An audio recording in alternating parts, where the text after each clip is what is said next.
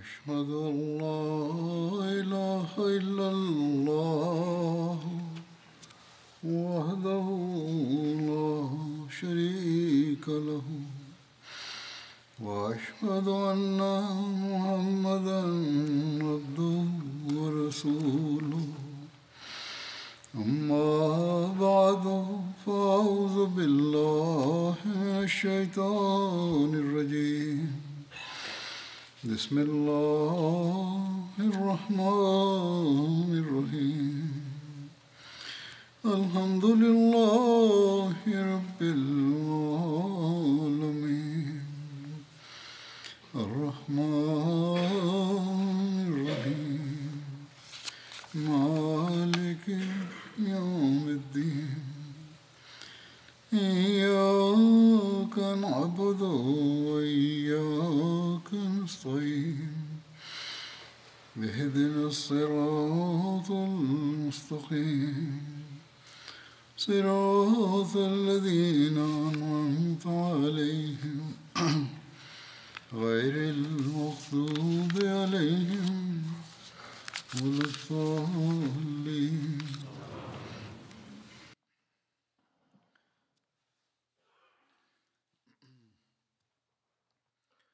Bitka na Uhudu je spomenuta u posljednoj hudbi. Hazreti Muslim Maud radijallahu anhu ukratko je napisao o ovome i to ću vam predstaviti ovdje.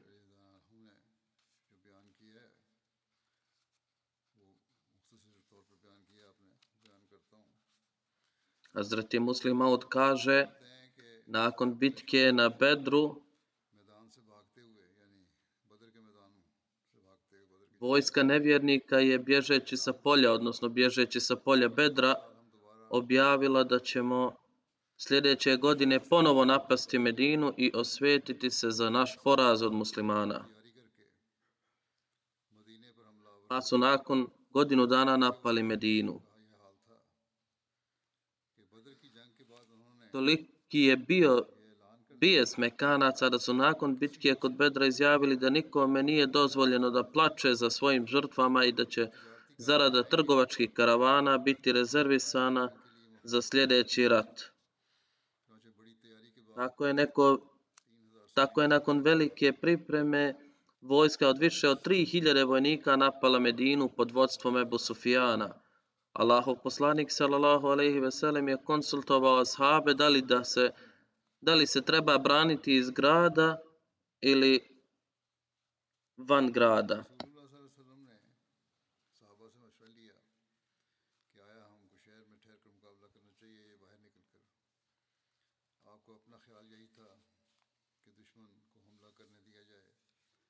On je bio mišljenja da treba dopustiti neprijatelju da prvo napadne kako bi bili odgovorni za početak rata i da bi se muslimani lako mogli boriti iz svojih kuća. Ali mladi muslimani nisu imali sreću da budu šehidi na Allahovom putu, pa su insistirali za, da zato što smo lišeni šehadeta, da sada se trebamo boriti van grada. Dakle, poslanik sallallahu alejhi ve sellem je pristao na njihov savjet. I dok je tražio savjet, ispričao je svoj san. Rekao je, u san sam vidio neke krave i vidio sam da im je vrh mača slomljena. Također sam vidio da su te krave zaklane i onda sam stavio ruku u jak i siguran oklop. A video sam da jašem na leđima ovna. Ashabi su rekli, Allahov poslaniče, šta si protumačio? Kako si protumačio ovaj san? Rekao je da je tumačenje zaklanje, zaklane krave da će neki moji drugovi biti ubijeni, a lomljenje mača znači da će biti ubijena važna osoba među mojim najmilijima ili ću možda i ja stradati u ovom pohodu. Tumačenje stavljanje ruku u oklop mislim da nam je prikladnije da ostanemo u Medini, a tumačenje sna jahanja na, o, jahanja na ovna je da ćemo pobijediti vođu vojske nevjernika. Znači, mi ćemo ih pokoriti i da će biti ubijen od strane muslimana.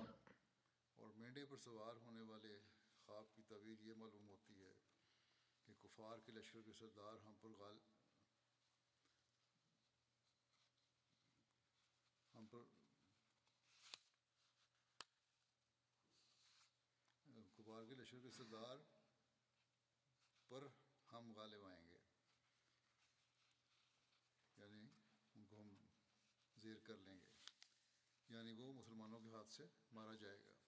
Iako je muslimanima u ovom snu jasno stavljeno do znanja da im je bolje da ostanu u Medini, ali pošto je poslanik sallallahu alejhi ve sellem lično dao tumačenje sna, a ne pod objavom, zato je prihvatio mišljenje većine i odlučio da će izaći na borbu.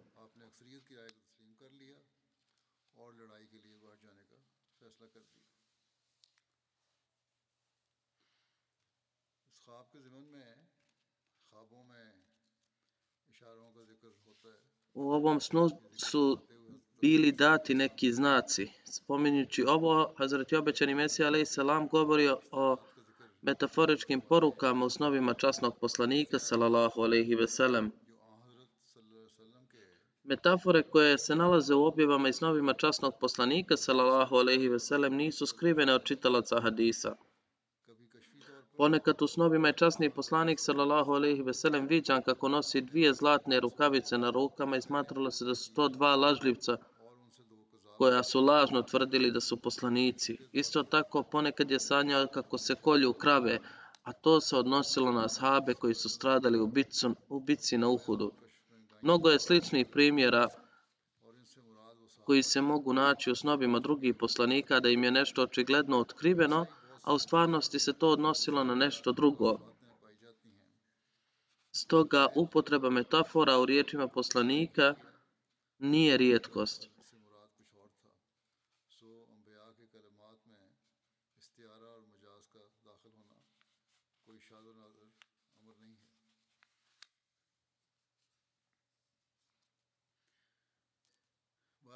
Međutim, kada je odlučeno da izađe u borbu, časni poslanik sallallahu alejhi ve sellem je naredio svojim ashabima da se pripreme, a on je sam počeo da se priprema za rat. Opis toga je onako kako je rečeno da časni poslanik sallallahu alejhi ve sellem nije volio da izlazi iz grada i da se bori zbog sna, ali kako su ljudi stalno insistirali, on se složio sa njihovim mišljenjem.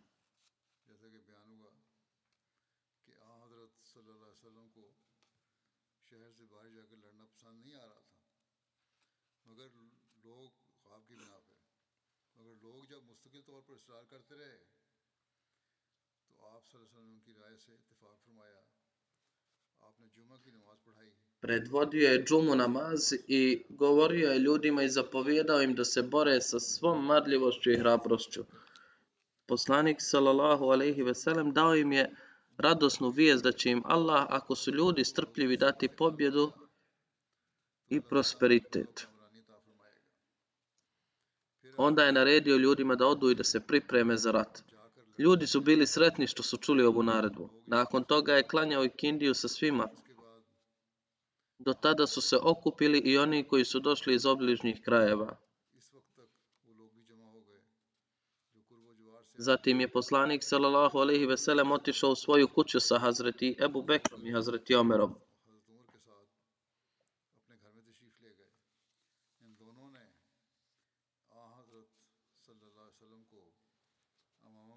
Obojica su časnom poslaniku sallallahu alejhi ve sellem vezali turban i obukli ga u ratnu odjeću. Tada su ljudi stajali u redovima i čekali ga. Tada su Hazreti Sad bin Muaz i Hazreti Usaid bin Huzair rekli ljudima da ste vi ljudi natjerali Allahovog poslanika sallallahu alejhi ve sellem protiv njegove volje da izađe i bori se. Tako da ovo pitanje tako da ovo pitanje prepustite poslaniku. Šta god poslanik odluči njegovo mišljenje se su jedina dobra stvar za vas. Zato ga poslušajte. Kada je časni poslanik sallallahu alejhi ve sellem izašao, nosio je borbenu odjeću.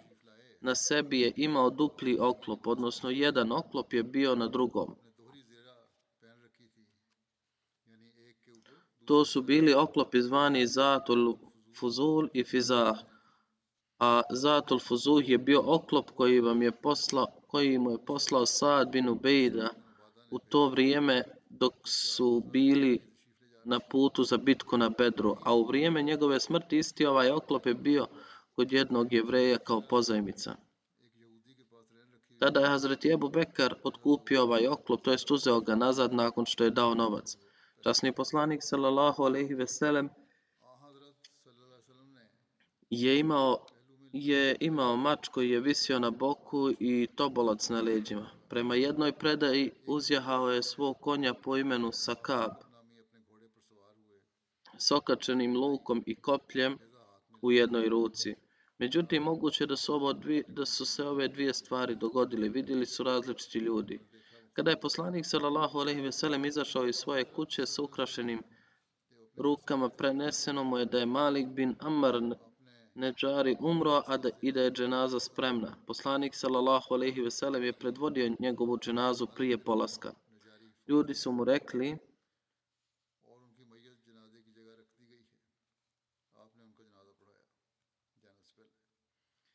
O Allahov poslaniče, nije nam bila namjera da se suprotstavimo vašem mišljenju, niti da vas prisiljavamo stoga vi postupite kako vi mislite da je bolje postoji predaje da ako ne volite se boriti izvan grada, onda mi ćemo svakako ostati ovdje. Rekao je da poslaniku nije dozvoljeno da spusti oružje nakon što ih je Allah dok, nakon što ih je uzeo dok Allah ne odluči između njega i njegovog neprijatelja.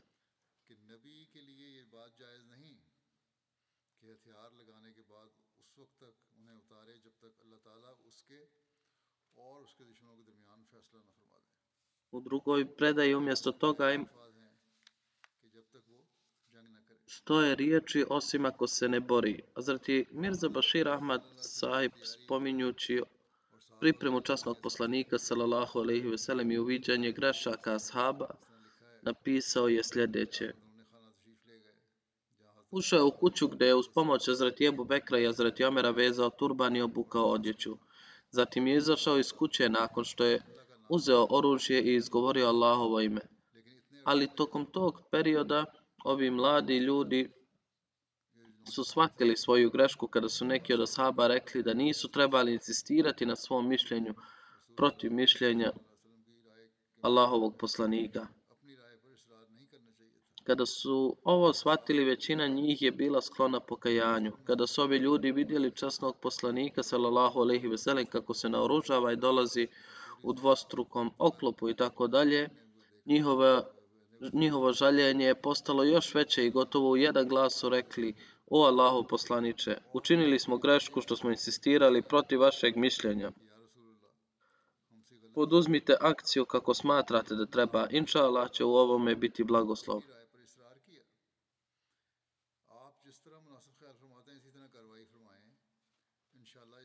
Poslanik sallallahu alejhi ve sellem je rekao daleko je od časti Božijeg poslanika da uzme svoje oružje i onda ga skine prije nego što Bog odluči. Zato sada hodajte u ime Allaha i ako budete strpljivi, budite sigurni da će Allahova pomoć biti s vama.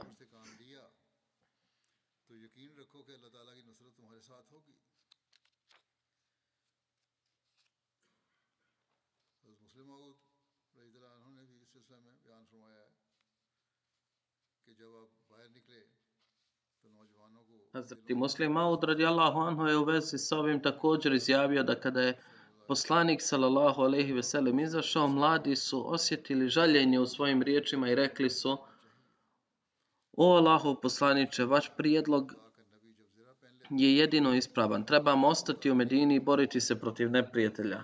Poslanik sallallahu alejhi ve sellem je odgovorio kada Allahov poslanik obuče svoj oklop, ne skida ga. Sada Šta god da bude, idemo naprijed. Ako budete strpljivi, dobit ćete Božiju pomoć.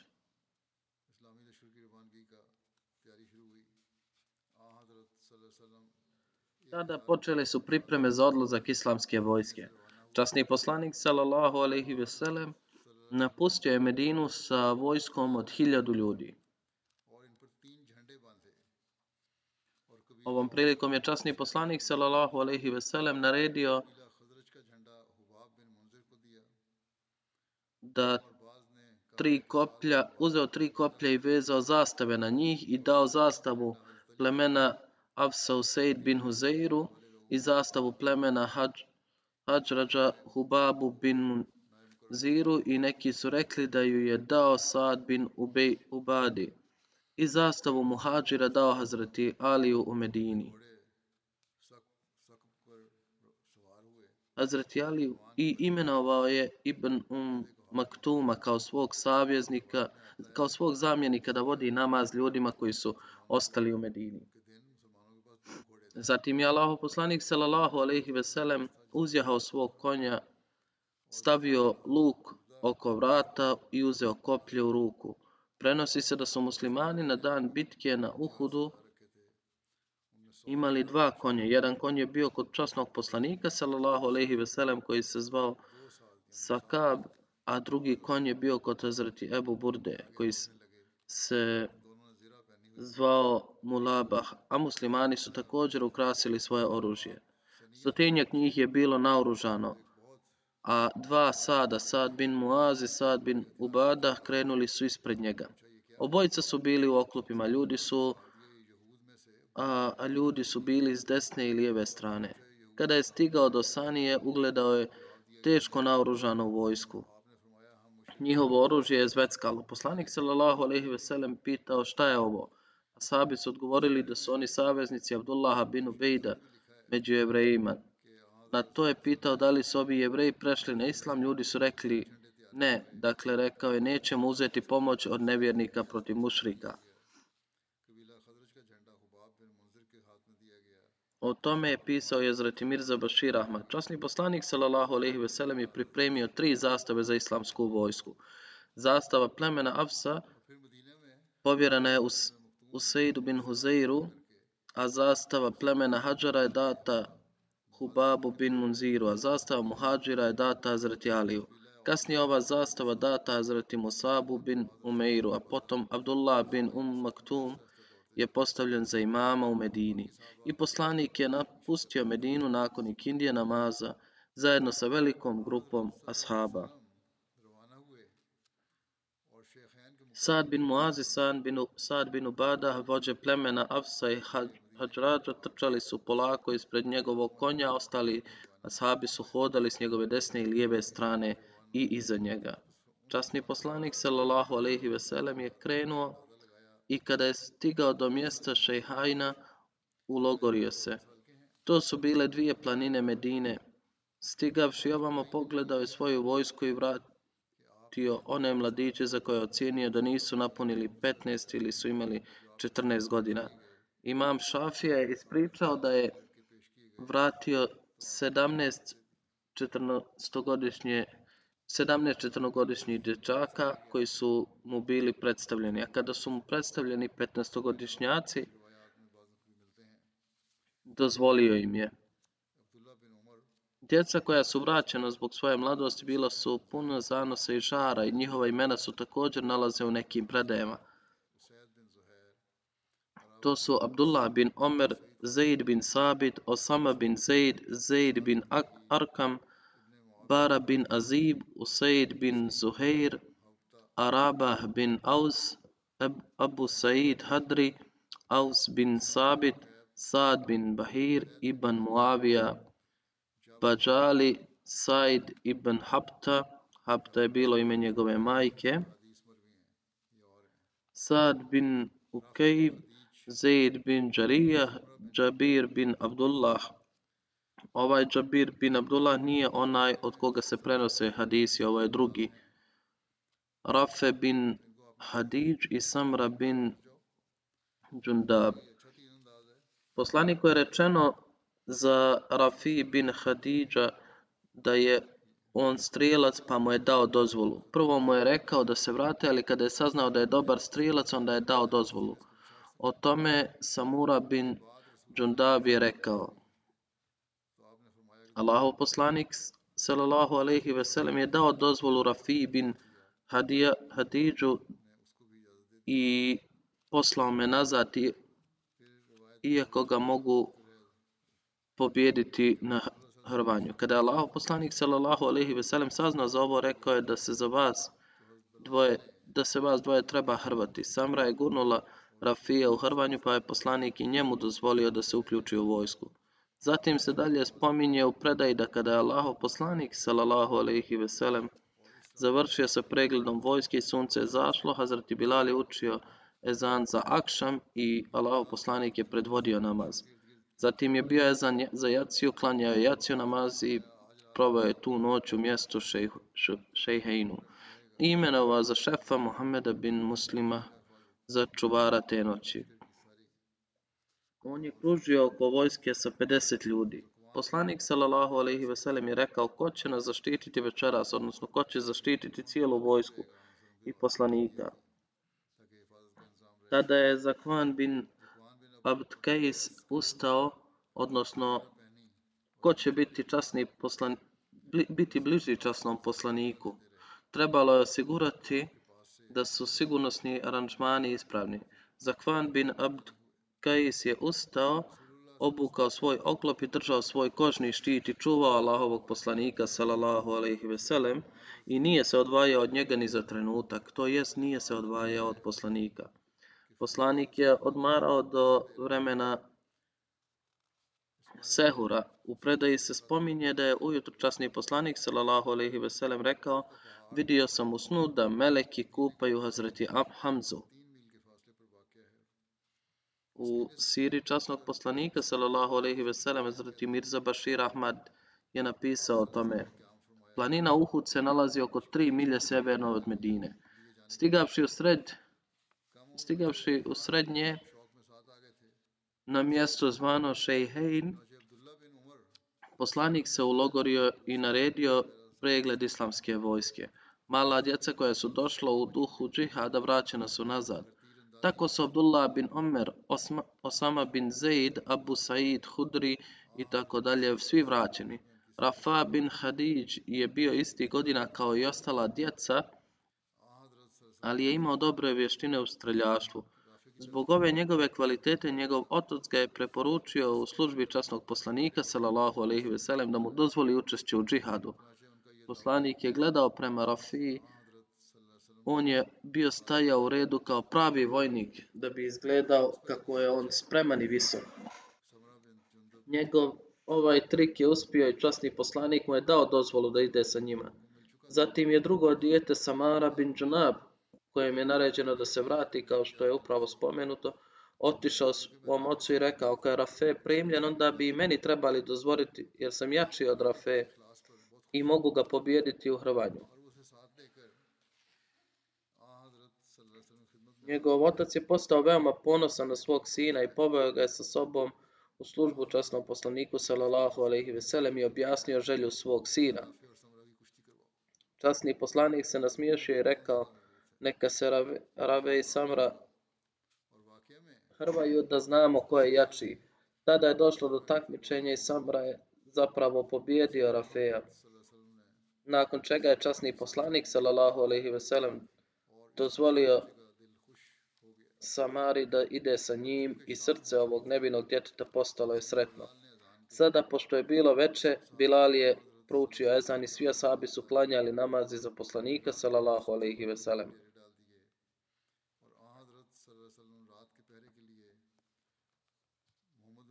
Muslimani su ovdje prenoćili.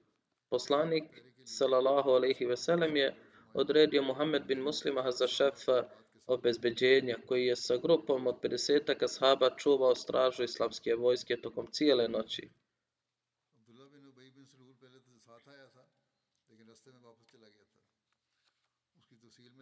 Abdullah bin Ubej bin Salul je bio krenuo u rat, ali poslije se vratio sa puta. U opisu je zapisano da je u vrijeme Sehura časni poslanik marširao ispred lokacija Šejhejna između Medine i Uhuda.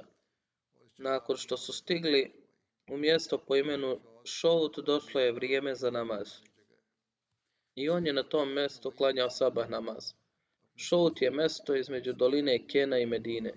Na ovom mjestu Abdullah bin Ubej bin Salul je zajedno sa svojim kolegama licemjerima napustio poslanikovu stranu i vratio se. Njegovih pristalica bilo je tri stotine, od kojih su svi lice, bili licemjeri. Na povratku Abdullah bin Ubej je rekao da me on, to je časni poslanik, nije slušao, već je slušao riječi dječaka. Ne znamo za šta da damo svoje živote, ovo je rekao Abdullah. Zato, o ljudi, vratite se nazad. Stoga, zbog naredbe vođe licemjera, njegovi drugovi napustili su stranu muslimana i vratili se nazad.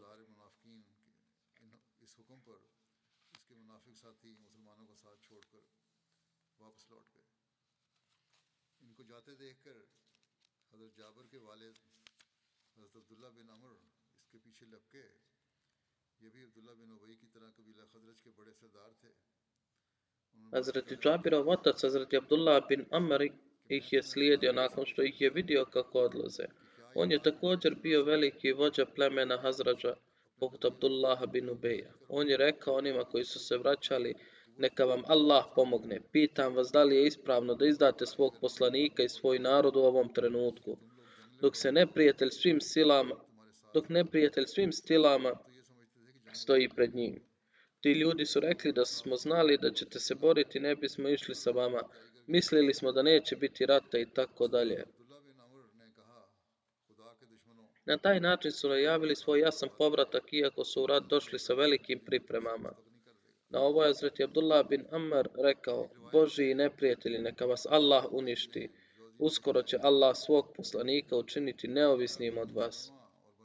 U jednoj predaji se spominje da je Allama ibn Džuzi napisao da kada je pleme ibn Salama i Harisa vidjelo Abdullah bin Ubeja kako čine izdaju, oni su također odlučili da se vrate. Ova dva plemena su bila na obje strane vojske, ali i tada ali je tada Allah ove dvije grupe spasio od ovog grijeha i oni su prestali da se vraćaju nazad.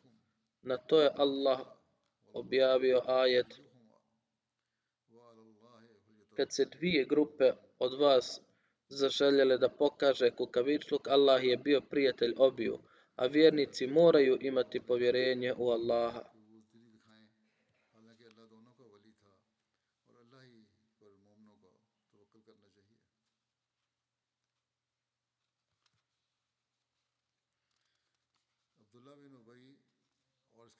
ساتھیوں کی سرداری کے بعد وہاں حضرت صلی اللہ علیہ وسلم صرف سات سو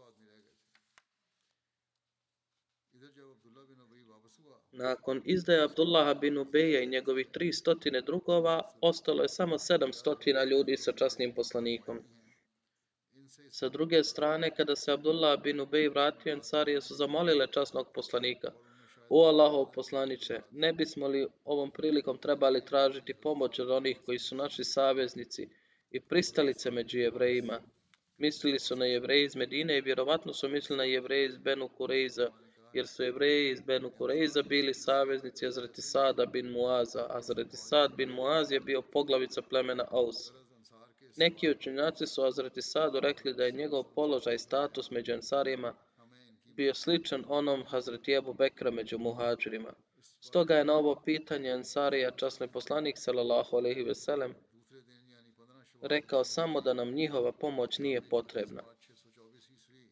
O tome je govorio Ezreti Mirza Bashir Ahmad. Drugog dana, to je 15. ševala treće, hič, treće godine po Hidžri, odnosno 31. marta 624. godine na Šere, u subotu vrijeme, Sehura islamska vojska je marširala naprijed i dok je obavlja namaz na putu i do zore je stigla i do podnožja Uhuda. Ovom prilikom zlotvor Abdullah bin Ubej bin Salul, poglavica licemjera, počinio je izdao, izdaju za svojih 300 drugova i napustio vojsku muslimana i vratio se u Medinu govoreći da Muhammed nije poslušao mene i slušao je neiskusnu omladinu. Izašao van grada radi borbe pa ne mogu da se borim sa njima. Neki ljudi su mu lično objasnili da ta izdaja nije u redu, ali on nije poslušao nikoga i nastavio je pričati da je bila neka prava borba, ja bi se pridružio, ali ovo nije borba, nego voditi sebe do uništenja. Sada se broj islamske vojske sastoje od samo 700 vojnika, što je bilo manje od jedne četvrtine u odnosu na 3000 vojnika nevjernika. A u pogledu konjice i ratne opreme islamska vojska je bila potpuno slaba i inferiorna u odnosu na Kurejšije, jer je u muslimanskoj vojsci bilo samo stotinu oklopnika i samo dva konja. Nasuprot njima u vojsci nevjernika bilo je 700 oklopnika, 200 konja i 3000 kamila. U ovom stanju slabosti koje su muslimani dobro osjećali, izdaja Abdullaha bin Ubeja 300 ljudi stvorila je stanje nelagode i tjeskobe među nekim muslimanima slabog srca. A neki od njih su se pokolebali, stoga su, kako je navedeno u časnom Kur'anu, U istom stanju panike i tjeskobe dva muslimanska plemena Benu Harisa i Benu Salma također namiravala da se vrate u Medinu. Ali, pošto je u njihovim srcima bilo svjetlo vjere, oni su se oporavili gledajući smrt pred sobom, ipak nisu se odvajali od svog vođe.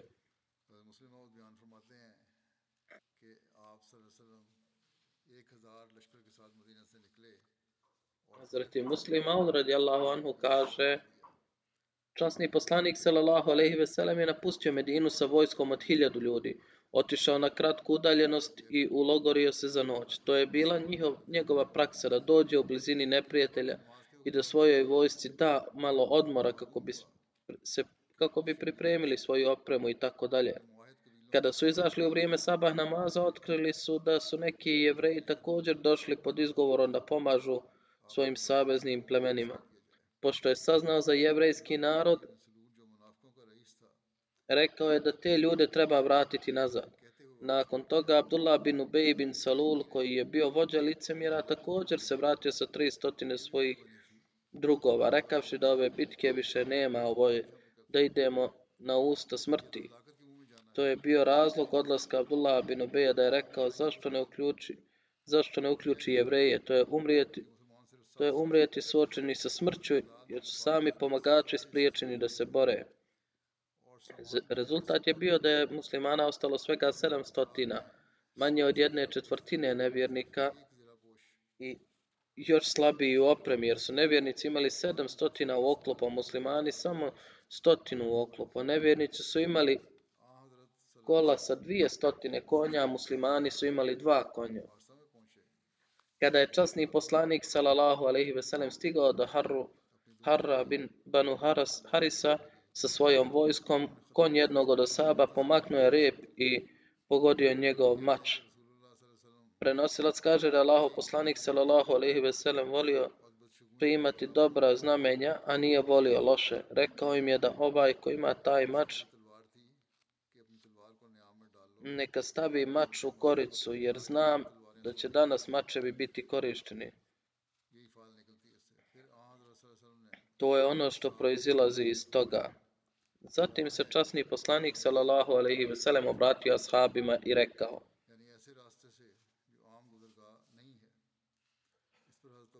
Ko je tu da nas vodi najbližim putem do neprijatelja, odnosno kroz rutu koja nije uobičajena ruta? Na to je zrati Ebu Hajsama rekao, o Allaho poslaniće, odvesću ja, Ibn Sad i drugi, opisali su njegovo ime kao Abu Hatma, međutim odveo ga je preko susjedstva Benu Harse i njegove zemlje i posjeda zajedno sa muslimanima, dok su stigli u dolini Uhud i ulogorili se. Ulogorio se na takav način da je okrenuo planinu Uhud prema leđima, a Medinu prema prednjoj strani. Ovdje se Allaho poslanik sallallahu alejhi ve sellem obratio muslimanima. Muslimani su se postrojili u podnožju Uhuda i vrijeme i vrijeme za sabah namaz u subotu se bližilo. A muslimani su gledali u mušrike. Zrati Bilal je dao ezan i kamet, a Allaho poslanik sallallahu alejhi ve sellem je predvodio ashabe u namazu.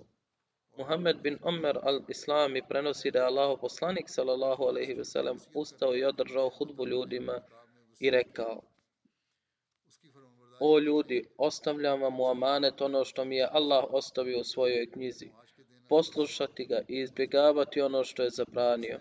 Danas ste na odr odredištu nagrade i ko bude ovo pamtio, onda se on za to motiviše strpljenjem i vjerom i vitalnošću.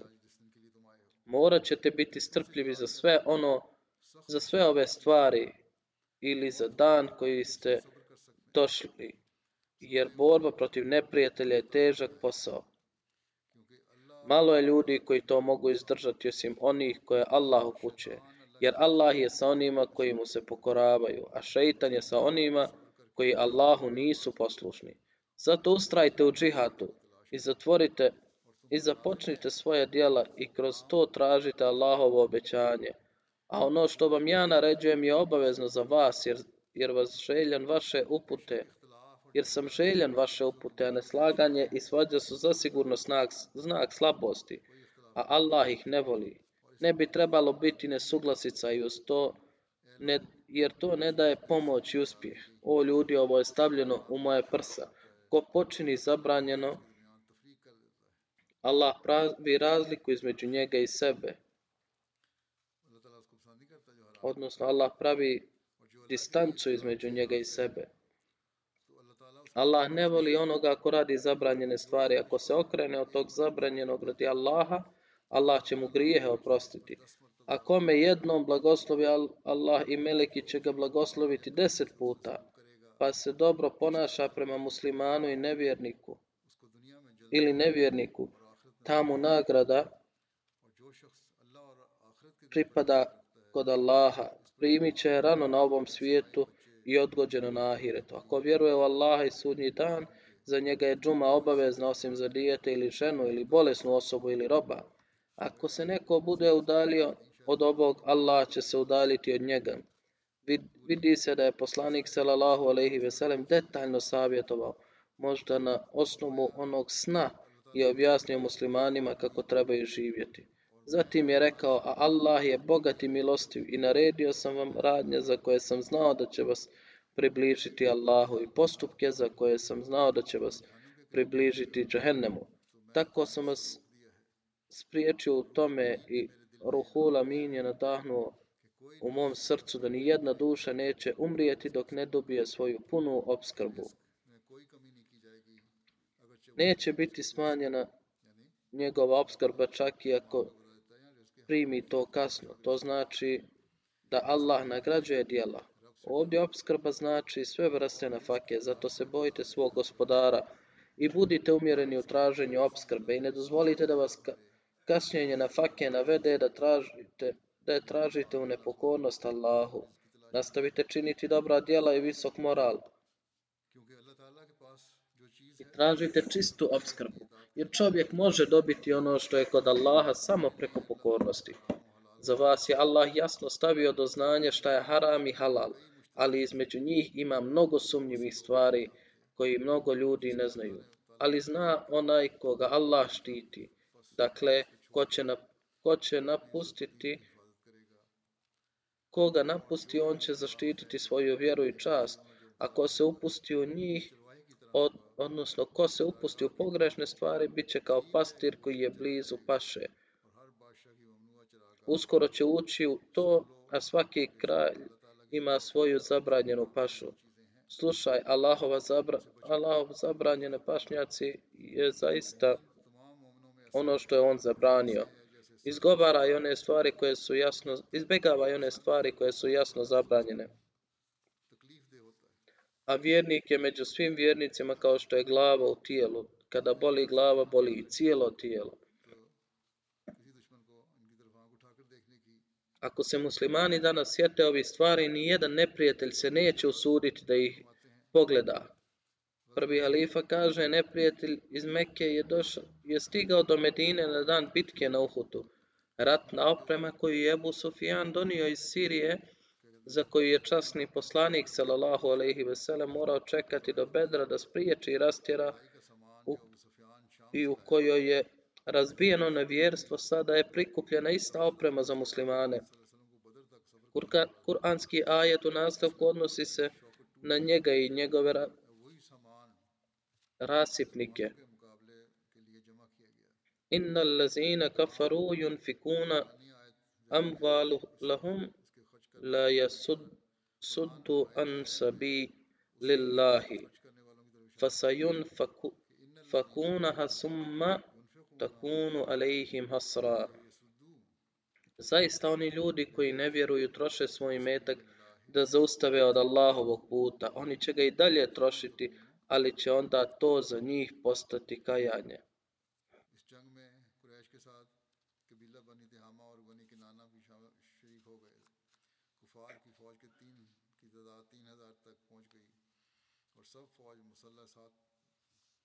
Bani Tihama i Bani Kinana su također učestvovali u ovom ratu sa Kurejšijama. Broj nevjerničke vojske dostigao je 3000 i sva vojska je bila naoružana njih sedam stotina oklopnika i svi su bili odlučni da će se uskoro osvijet, osvijetiti muslimanima. Potpuno ljuta vojska ovih malih plemena pod vodstvom Ebu Sufijana, odnosno pod vodstvom Ebu Sufjana, ojačala je svoj front na određenom mjestu na severoistoku Medine, a udaljenost između njega i grada Medine je bila samo klisura planine Uhud. Na ovom mjestu nevjernici su počeli uništavati polje i bašte stanovnika Medine, a sahabi se jako razbjesnili, a osjećaj prema islamu zapravo se pretvorio u osvetu. Ljudi su zamolili poslanika da im bude dozvoljena odbrana. Poslanik sallallahu alejhi ve sellem sa hiljadu ljudi krenuo je iz Medine. Abdullah bin Ubej, poglavica koji je živio u Medini i koji je očigledno bio sa muslimanima, sada se odvojio od muslimana zajedno sa svojih 300 ljudi tokom bitke, što je smanjilo broj muslimana na, sa 1000 na 700.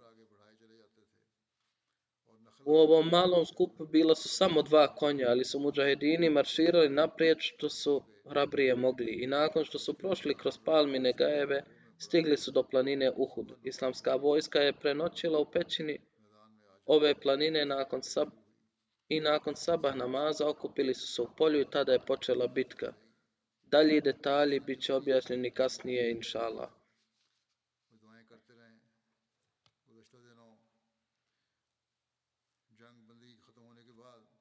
Što se tiče palestinaca, stalno govorim za dove. Nastavite dobiti.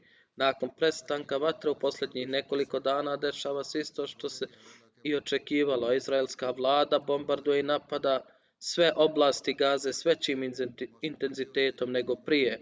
Zatim se mučenici muče nevina djeca i civili. Sada protiv ove akcije predsjednik Kongresa Sjedinjenih država koji je vjerovatno jevrej rekao je dokle više. Amerika treba da odigra svoju ulogu da ovo zaustavi. Predsjednik Sjedinjenih država također sada daje izjavu potisnutim riječima da ova paljba treba prestati. Trebali bi zaustaviti granatiranje koje se odvija ravnomjerno od sjevera prema jugu. Ranije su govorili idite idite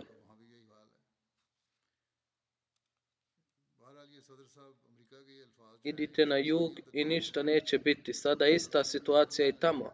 Međutim, ove riječi predsjednika Sjedinjenih država nisu zbog neke ljudske simpatije. Ne bismo trebali biti ni u kakvom nesporazumu, već zbog njegovog interesa da se izbori približavaju u Sjedinjenim državama i tamo omladina traži prekid vatre. Slično muslimani koji su u Americi koji, i koji su američki državljani prave buku. Dakle, Oni sve ovo rade da bi dobili svoje glasove. Nemaju simpatija prema palestincima ili muslimanima.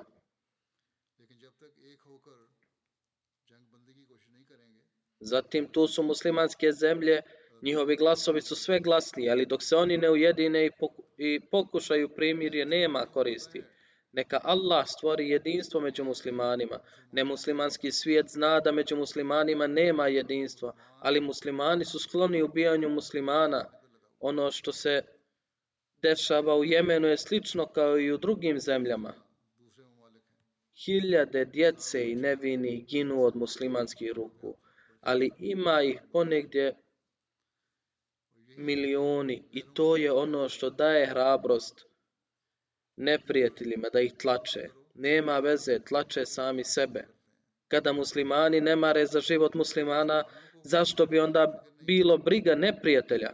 Uzvišeni Allah je dao vrlo striktno upozorenje u časnom Kur'anu da, da je upozorenje dato muslimanu za ubijstvo muslimana da će biti u džehennemu. Neka Allah učini da se muslimani ujedine i postanu sredstvo za okončanje ugnjetavanja svijeta, a ne da se međusobno ubijaju. Ujedinjene nacije su pokušale da dignu glas, ali ko ih sluša? Kažu da ćemo mi raditi ovo i ono, ali ne mogu ništa. Nema ko da ih sluša. Velike sile koriste svoje pravo. Neka se Allah smiluje muslimanima.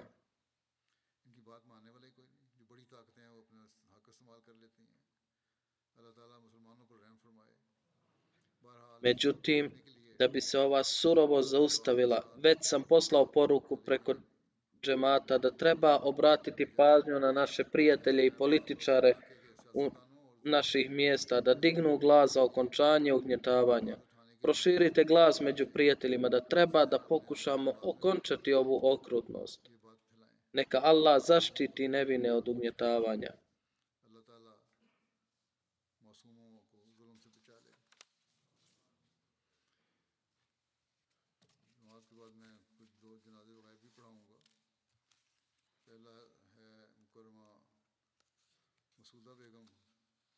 Poslije namaza ću također obaviti dvije dženaze u odsustvu.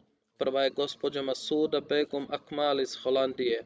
Ona je supruga imama Abdul Hakim Akmala iz Holandije i nedavno je preselila. Ina lillahi ve ne ilaihi rađiun.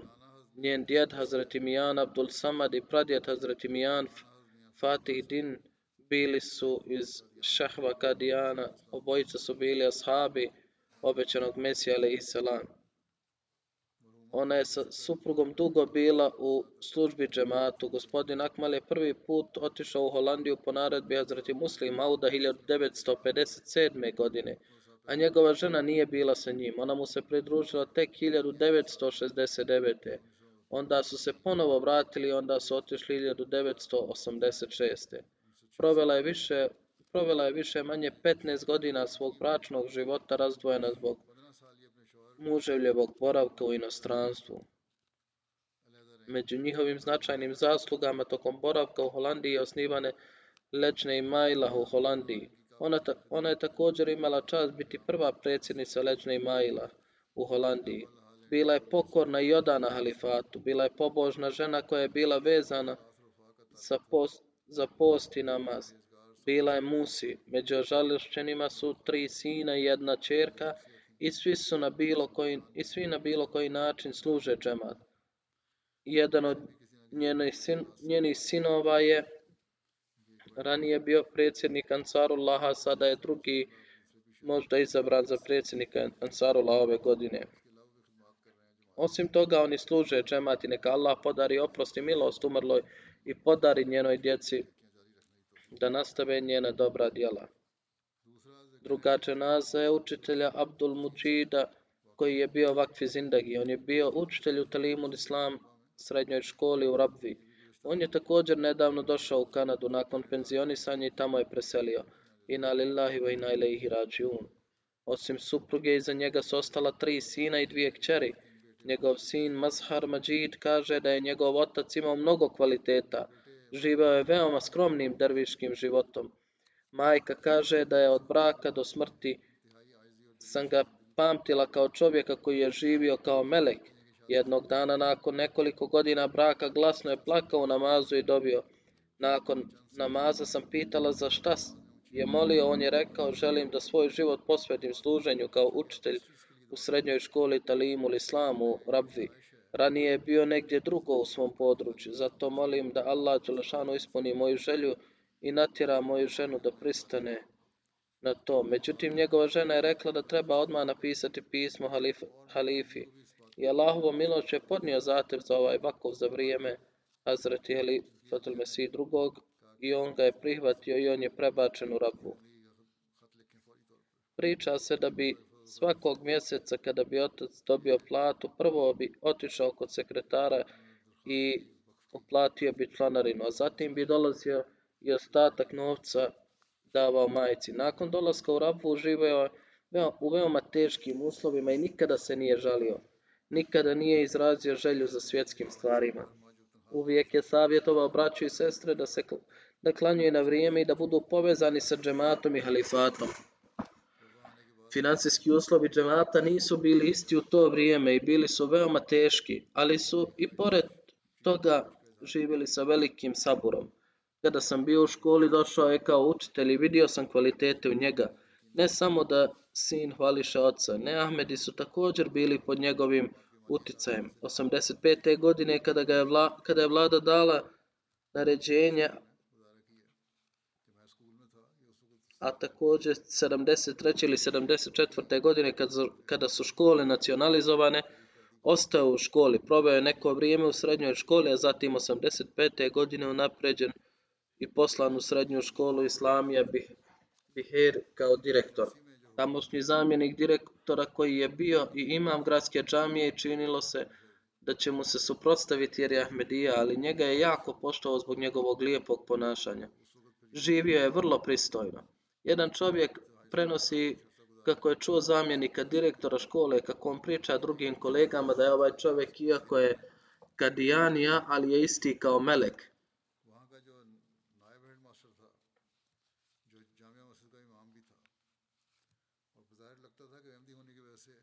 Dakle, ono što je na ovaj način činio tablig i prenosio poruku drugima pozitivno je uticalo i na neprijatelje. Mnogo puta bi njegovi učenici dolazili u susret i govorili da smo mi bili vaši učenici, ali on je bio najponosniji na te učenike i spominjao ih kao koji su svoje živote posvijetili na Allahovom putu. i sa radošću bi spominjao da je taj taj Vakfi Zindagi bio moj učenik. Veoma je cijenio i poštovao Vakife.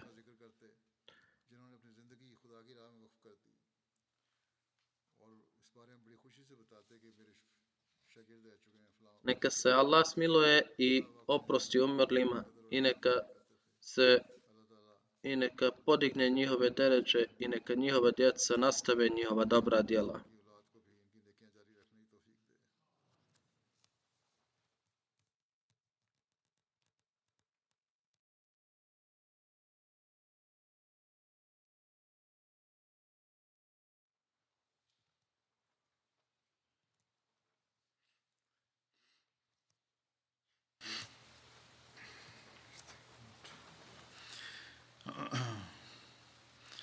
الحمد لله الحمد لله نحمده ونستعينه ونستغفره ونؤمن به ونتوكل عليه. ونعوذ بالله من شرور أنفسنا ومن سيئات أعمالنا. من يهده الله فلا مضل له ومن يضلل فلا هادي له. ونشهد أن لا إله إلا الله ونشهد أن محمدا عبده ورسوله. عباد الله رحمكم الله.